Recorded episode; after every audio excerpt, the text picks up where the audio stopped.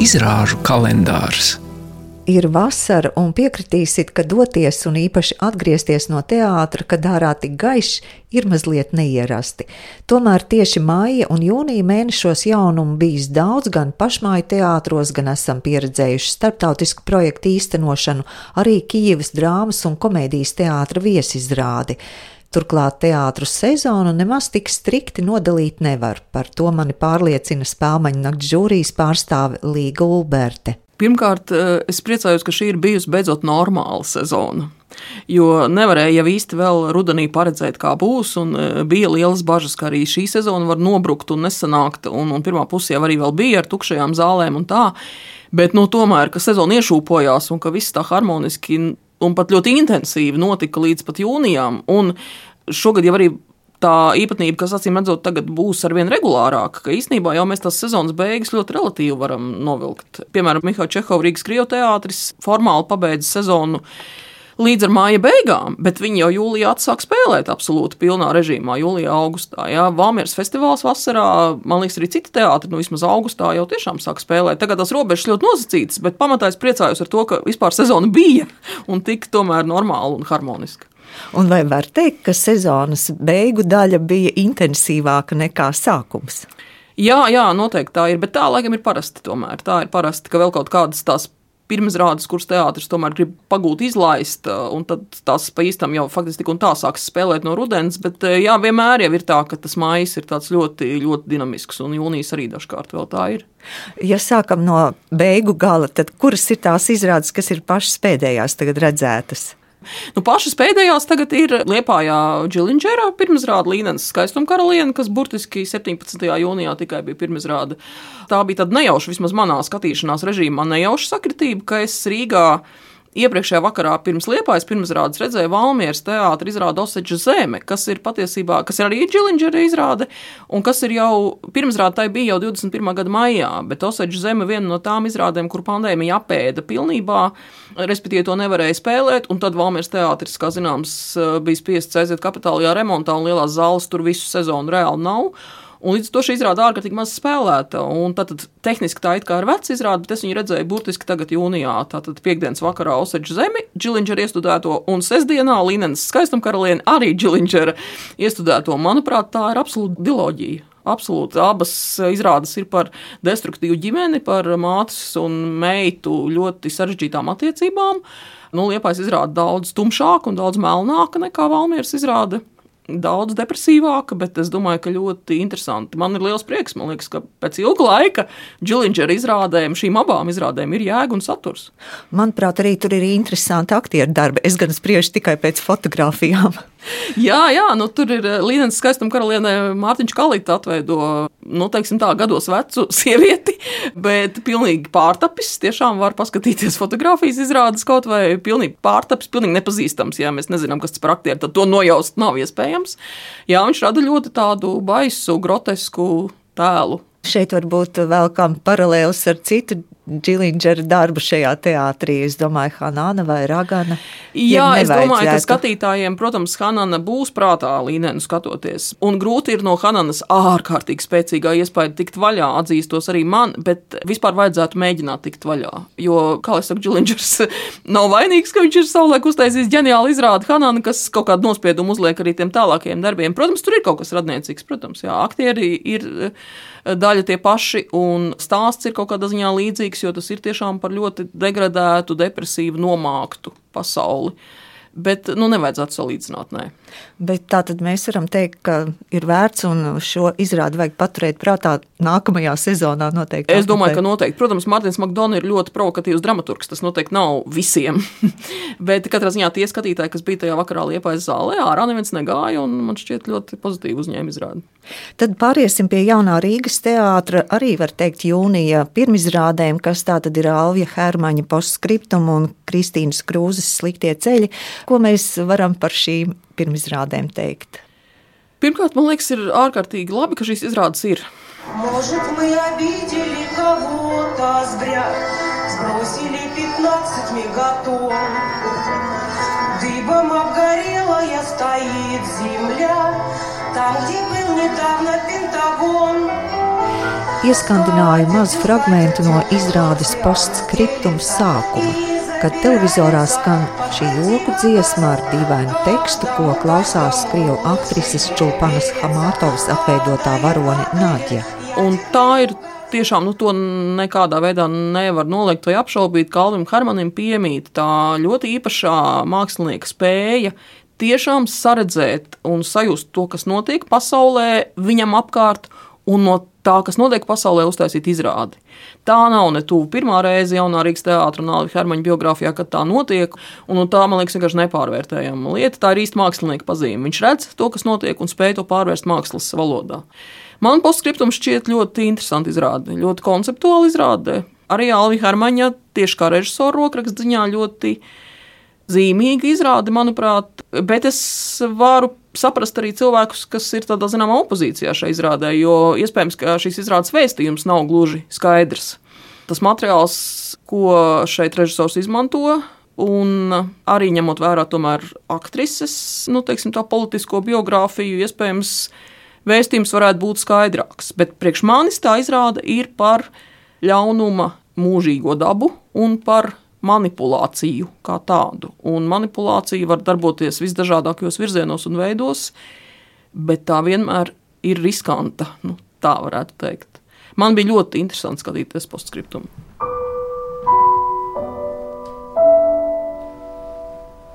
Tā kā, man liekas, vienkārši ļoti labi, ka tas izrādes ir.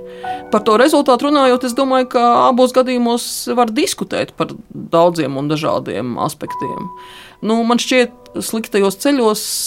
Nu, man tāda zināmā problēma bija tā, ka man liekas, ka diezgan nekonsekventa tā skatuves valoda, kas tur ir izvēlēta. Ka ir atsevišķas ainas risinātas pat ļoti naturālistiski, tad ir atsevišķas ainas ļoti distancēti, atsvešināti. Man liekas, kaut kas tur ir palicis režisora mazliet palikusi kaut kur pa vidu starp to, kā viņa īsti to grib risināt. Man liekas, ka nu, man tā bija zināma problēma. Jā.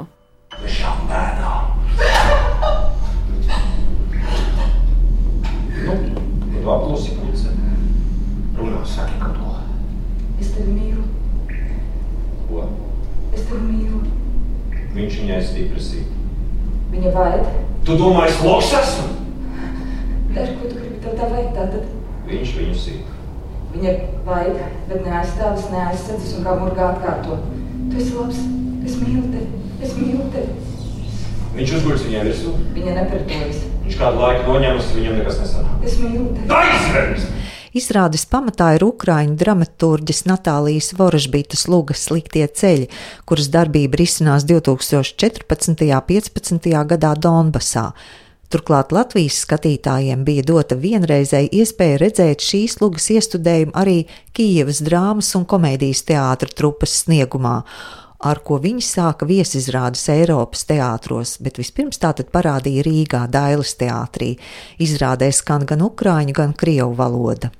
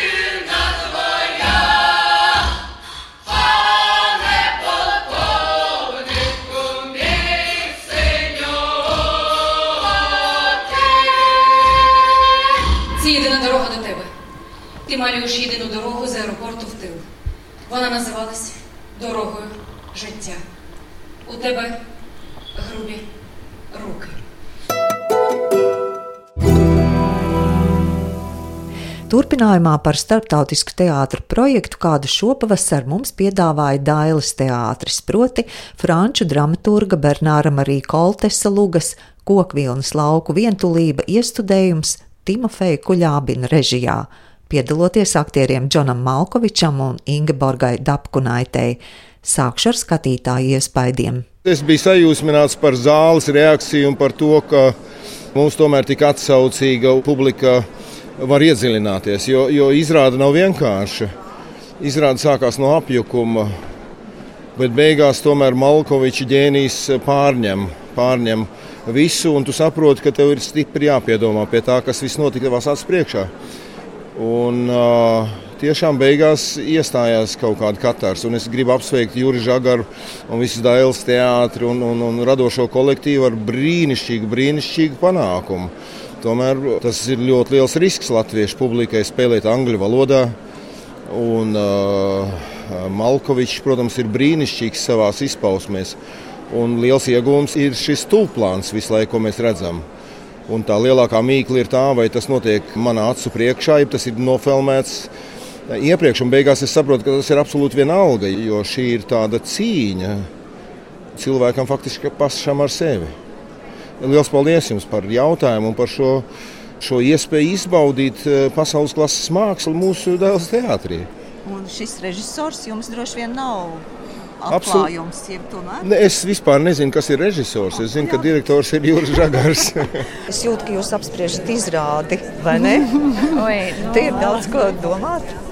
Ļoti daudz Jā. ko pārdomāt. Un, uh, likās jau ļoti interesanti uz Dāvidas teātra redzēt tā, tāds pasaules līmeņa aktieris. Tiešām tas tēlojums bija eh, ļoti spēcīgs un bija vērts nākt, jo teiksim, teātrīs reti kaut ko tik intensīvu piedzīvojis. Un eh, pat sežot tālākajās rindās bija liels. Eh, kā, Nevarētu teikt, pacelājums, bet nu, jā, tāds emocionālais uh, ieguldījums kā skatītājiem. Es domāju, jāatbalsta jebkurš tāds pasākums, arī, kas ir atvērts tieši cilvēkiem, arī, kas nav nevien latvieši, bet arī nu, runā citās valodās. Mums vairāk vajag tāds izrādes. Nu, redzēt, pirmkārt, dzīvu Malkoviču.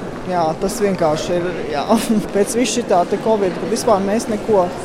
Un te pēkšņi dzīves Malkovičs. Jūs varbūt? Oh, paldies. Sarežģīti? Nu, ziniet, nē, nebija sarežģīti. Protams, ka nē, nebija sarežģīti. Smagi, laikam tā. Paldies. Bet kā iestudējumu vērtē teātris zinātniece, kritiķe un spēļu nakts žūrijas priekšsēdētājas vietniece Līga Ulberte? Es saprotu, ka apzīmējums interesanti jau skan muļķīgi, bet arī, arī kokpilns lauki man šķiet tieši ļoti interesanti izrāda dažādu faktoru dēļ, un ap citu, varbūt vismazāk eh, zvaigžņotā aktieru pāra dēļ. Te tomēr ir eh, jāatcerās un jānovērtē, ka Timofejs Kuļābins neapšaubām ir šobrīd viens no top eh, Eiropas režisoriem. Arī manā skatīšanās pieredzē pēdējos gados, nu, Kuļābina izrādes noteikti ir viens no tām, ko es gaidu visvairāk. Salīdzinot varbūt ar citiem viņa darbiem, šis varbūt arī nav pats, pats novatoriskākais, bet tas ir režisors, kurš ļoti labi pārvalda profesiju, kurš ļoti labi prot darboties ar dažādām zīmēm uz skatuves un tas savienot un radīt jēgu. Tas ir pirmkārt. Otrakārt, ārkārtīgi interesants ir Bernāra Marija Koltes dramaturgiskais materiāls. Šis ir ļoti sarežģīts autors, un tas man arī liekas pat kaut kādā ziņā šarmanti, ka, protams, ka uz Malkoviču tā teikt, droši vien nāk arī tādi skatītāji, kas varbūt ikdienā uz teātri neiet un nāk uz zvaigznēm, tad viņi atdurās pret šo, manuprāt, ļoti izaicinošo lugu un drusku apjūka, bet tas varbūt ir taisni labi. Koltes ļoti sarežģīts autors, ļoti salīdzinoši maz iestudēts arī Latvijā, tikai divas divas lugas ir bijušas iestudētas. Un tāpēc man liekas, ka tas ir tādā izglītojošā ziņā ļoti, ļoti svarīgi. Kas ir tas sarežģītais, varbūt skatuves valodā? Nu, pirmkārt, tas, ka, kā jau teicu, nav tāda ļoti skaidra, vienkārši uztverama stāsta ir dialogs, ir mēs varam nu, šeit divu cilvēku, pircēju un pārdevēju sarunāju, sakot, bet viņi, protams, nav nu, tāda vienkārši tādā fabulas līmenī izstāstām. Tas jau pirmais, kas, protams, apgrūtina. Otra lieta, kas vēl tā izrādē ir sarežģītāka nekā varbūt pašā materiālā, ir tas, ka mainās tie runātāji. Viņi tā kā mainās vietām, mainās lomām un pat nevienmēr var izsekot uh, tam, vai katram no viņiem ir kaut kāda sava skaidra līnija. Liekas, ka tā ir kaut kāda tāda nezinu, apziņas plūsma, vai kā to reizē mēdz dēvēt šādas laikmatīgās dramaturģijas tekstu sakarā, ka tas ir tādas teksta virsmas, kurām kā nav sākuma, nav beigu, un katrs teikums var būt būtisks pats par sevi un varbūt būt, nebūt ne sakarā ar citiem teikumiem. Nu jā, ka viņai nav tāda varbūt ļoti skaidra, loģiski uztverama tā, tā stāsta un struktūras. Tas droši vien ir viens no tiem grūtākajiem aspektiem. Nu, abi, abas zvaigznes ir zvaigznes. Viņi ir ļoti labi aktieri, abi divi. Nu, apgalvot, ka tas būtu kaut kas unikāls un neredzēts tieši aktieriski, nu, tā es laikam nevarētu gan. Vai arī, piemēram, Latvijas teātru vērtēšanā šis iestudējums iekļaujas. Tas ir tā kā tapis pie mums un līdz ar to vērtējams. Jā, paldies par šo jautājumu, jo tas būs ļoti daudziem jautājums. Jā, šī izrāda tieši tāpat, kā es gribētu atgādināt, salīdzinoši neseno vēsturi, tieši tāpat kā, piemēram, izrāda Brodskas Barišņikovs savulaik jaunajā Rīgas teātrī. Ja teātris šo projektu pozicionē kā savu projektu, nestoties uz to, ka aktieri ir viesaktieri, tad, protams, Spāņu žūrī to vērtē. Es gribētu atgādināt, ka Mihāls Barišņikovs bija savulaik nominēts kā gada aktieris, bet neuzvarēja konkurencē. Egons Dombrovskis viņu pārspēja tajā gadā ar ziloņu cilvēku lomu. Tā kā jā, tas ir jau bijis precedents, un es domāju, ka arī šogad tieši tā nav pamats naktas žūrijai šo izrādi nevērtēt kopējā kontekstā. Jā, protams, mēs gaidīsim, kas būs nominēti un vai tiešām Malkovičs būs un ar ko viņš sacentīsies. Intriga ir. Turpinājumā par šīs sezonas jauniestudējumiem, un Līga Ulberta vēlas izcelt savu pēdējo mēnešu spilgtāko iespaidu, un tie ir Liepājas teātrī tapušie Elmāra Seņkova grimmi. Nu, mani absolūti fascinē šī izrāde. Es arī saprotu opozīciju, ir arī opozīcija, es zinu, šai izrādē. Bet nu, man tas šķiet fascinējoši, fascinējoša pasaule, maģiska pasaule, kurā, ja izdodas ļauties un ja izdodas nokļūt tajā izrādes atmosfērā, tad man liekas, viņa paņem tā teikt bez atlikuma. Un, gan kā oriģināla darbs, gan kā man liekas, šim laikam ļoti piemērots darbs, kad pasaule ir pilnīgi sajukus prātā. Jā, nu, Grimi, man tāds sezonas otrās puses noteikti man šķiet eh, spilgtākais iespējas. Jā. Diskusiju var noteikti raisīt atsevišķi režisoru izvēlētie paņēmieni. Nu, konkrēti visvairāk droši vien viens paņēmiens, ka aktieri runā tad it kā neeksistējušās valodās. Bet eh, tās valodas, kurās viņi tad nav normālā, ja tā var teikt, valodā runā tikai viens eh, aktieris izrādē teicējs. Bet visi citi runā tādās nevalodās. Bet šīs nevalodas ir radušās no esošu valodu nu, tādiem kā fragmentiem vai atlūzām. Un iespējams, ka tiešām šis paņēmiens ir kaut kā nolasāms dažādi, un es varu saprast skatītājus, kuri, un arī kolēģus, kuri saka, ka, nu, ka šis valodu izmantojums ir nevienmērīgs, diskutabls, provocējošs, nekonsekvents un tā joprojām. Man tā nešķita problēma, bet es piekrītu, ka tas ir diskutabls paņēmiens, par kuru vajadzētu droši vien domāt un runāt. Tātad mēs esam atgriezušies atkal pie Liepājas teātra. Sākām ar Liepājas teātru un tagad uh, turpinām. Tātad šis teātris ir uzņēmis tādu jaudīgu, var teikt, repertuāru. Es domāju, ka ne, nu, tā varbūt nebūtu. Tas varbūt būtu tāds pārspīlēts vispārinājums Liepājas teātrim. Es tiešām domāju, ka šīs pēdējās divas lielās zāles izrādes ir ļoti interesants līmenis, skaistuma karaliene un grīmi. Bet, ja mēs runājam par uzrāvienu, tad drīzāk būtu par citu teātri jārunā. Tas ir Valmīras teātris, kuram nu gan ir tāds uzrāviens šajā sezonā, kas ir eh, nu, to, jā, visu cieņu. Tas ir brīnišķīgi. Ar pilnīgi sagrautu teātrēku, tikai ar apaļo zāli, ar, es nezinu, deviņas pirmizrādes viņiem es varu kļūdīties, bet ļoti daudz. Un es gribētu teikt, ka neviena no šīm mazajām apaļās zāles pirmizrādēm nav nejauša. Tām visām ir kaut kāds konkrēts mērķis, jēga.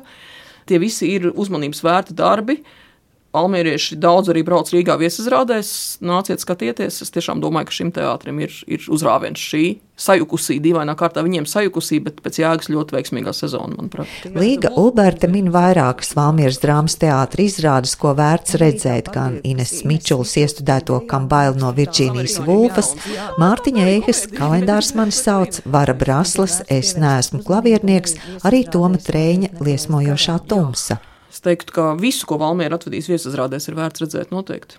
Kā jau mēs minējām, Valmieras vasaras teātris festivāls droši vien aizsāks atkal izrādes, kas arī, cik zinu, iekļausies repertuārā. Jā, nu to Dievs, lai tā notiek. Jā. Jā. Par šo sezonu un uh, noslēgumu sezonu tad mēs varam arī drīzumā gaidīt uh, nominantus uh, no žūrijas puses. Nu, nominantus gan var gaidīt tikai septembra beigās, tādēļ, ka tas uh, žūrijas darba cikls jau, tas nav pirmais gads tāds, bet jau ja pandēmijas noteikts bija, bet arī šogad tā būs, ka žūrijas darba cikls ir līdz 15. septembrim. Tā kā esošā spēļu naktas žūrija skatīsies arī vēl Valmieras vasaras festivāla izrādes un vēl varbūt to, ko nepaspēja no šīs sezonas noskatīties, un nominācijas būs zināmas septembra beigās. Kas kopumā šķiet ir svarīgi? Vai runāt par politisku teātri vai izklaidi? Nu, es jau varu nemitīgi atkārtot tikai to, ko es atkārtoju katru gadu, ka galvenais, lai teātris ir dažāds, manuprāt. Un, bet, protams, ka kara fonds kaut kādas prioritātes neizbēgami mainīja. Un, nu, droši vien jau, ka tas tā bija daudziem, ka sākumā, tad, kad karš tikko Ukrainā sākās, tad vispār likās, kāds teātris, nu, ko tur vispār, vai ne, kāda tam nozīme un jēga. Nu, diemžēl, diemžēl, kā jau varēja paredzēt, mēs pie kara sākam pierast, kas ir eh, šausmīgi. Un, un līdz ar to kaut kādas lietas sākam uztvert pašsaprotamāk. Bet, eh, protams, ka ir labi, ka tās ir izrādes, kas nu, tiešām rēģē un sabalsojas ar to, kas pasaulē notiek. Bet es arī nedomāju, ka tāpēc pilnībā teātrim būtu jāaizmirst arī teiksim, izklaides funkcija, kas teātrim vienmēr ir bijusi un būs. Nu, dzīve jau turpinās, nu, neko nevar darīt. Nu, Droši vien galvenais jau ir, lai nestos tas jautājums, kāpēc es te esmu atnācis, vai kāpēc tas konkrētais tiek iestudēts vai man rādīts. Ja katrs skatītājs atrod sev atbildi, kāpēc, tas ir, tad, tad jau viss ir kārtībā. Novēlu arī vasarā nezaudēt saikni ar skatuves mākslu. Galu galā teātris sezona būs pārtraukusi pavisam īsu brīdi, jo Mihaila Čehova Rīgas Krievu teātris atsāks darbu jau jūlijā.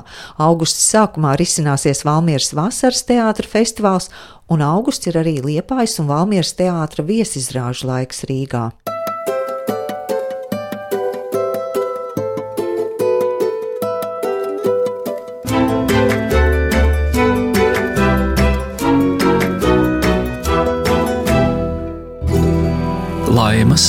Izrāžu kalendārs.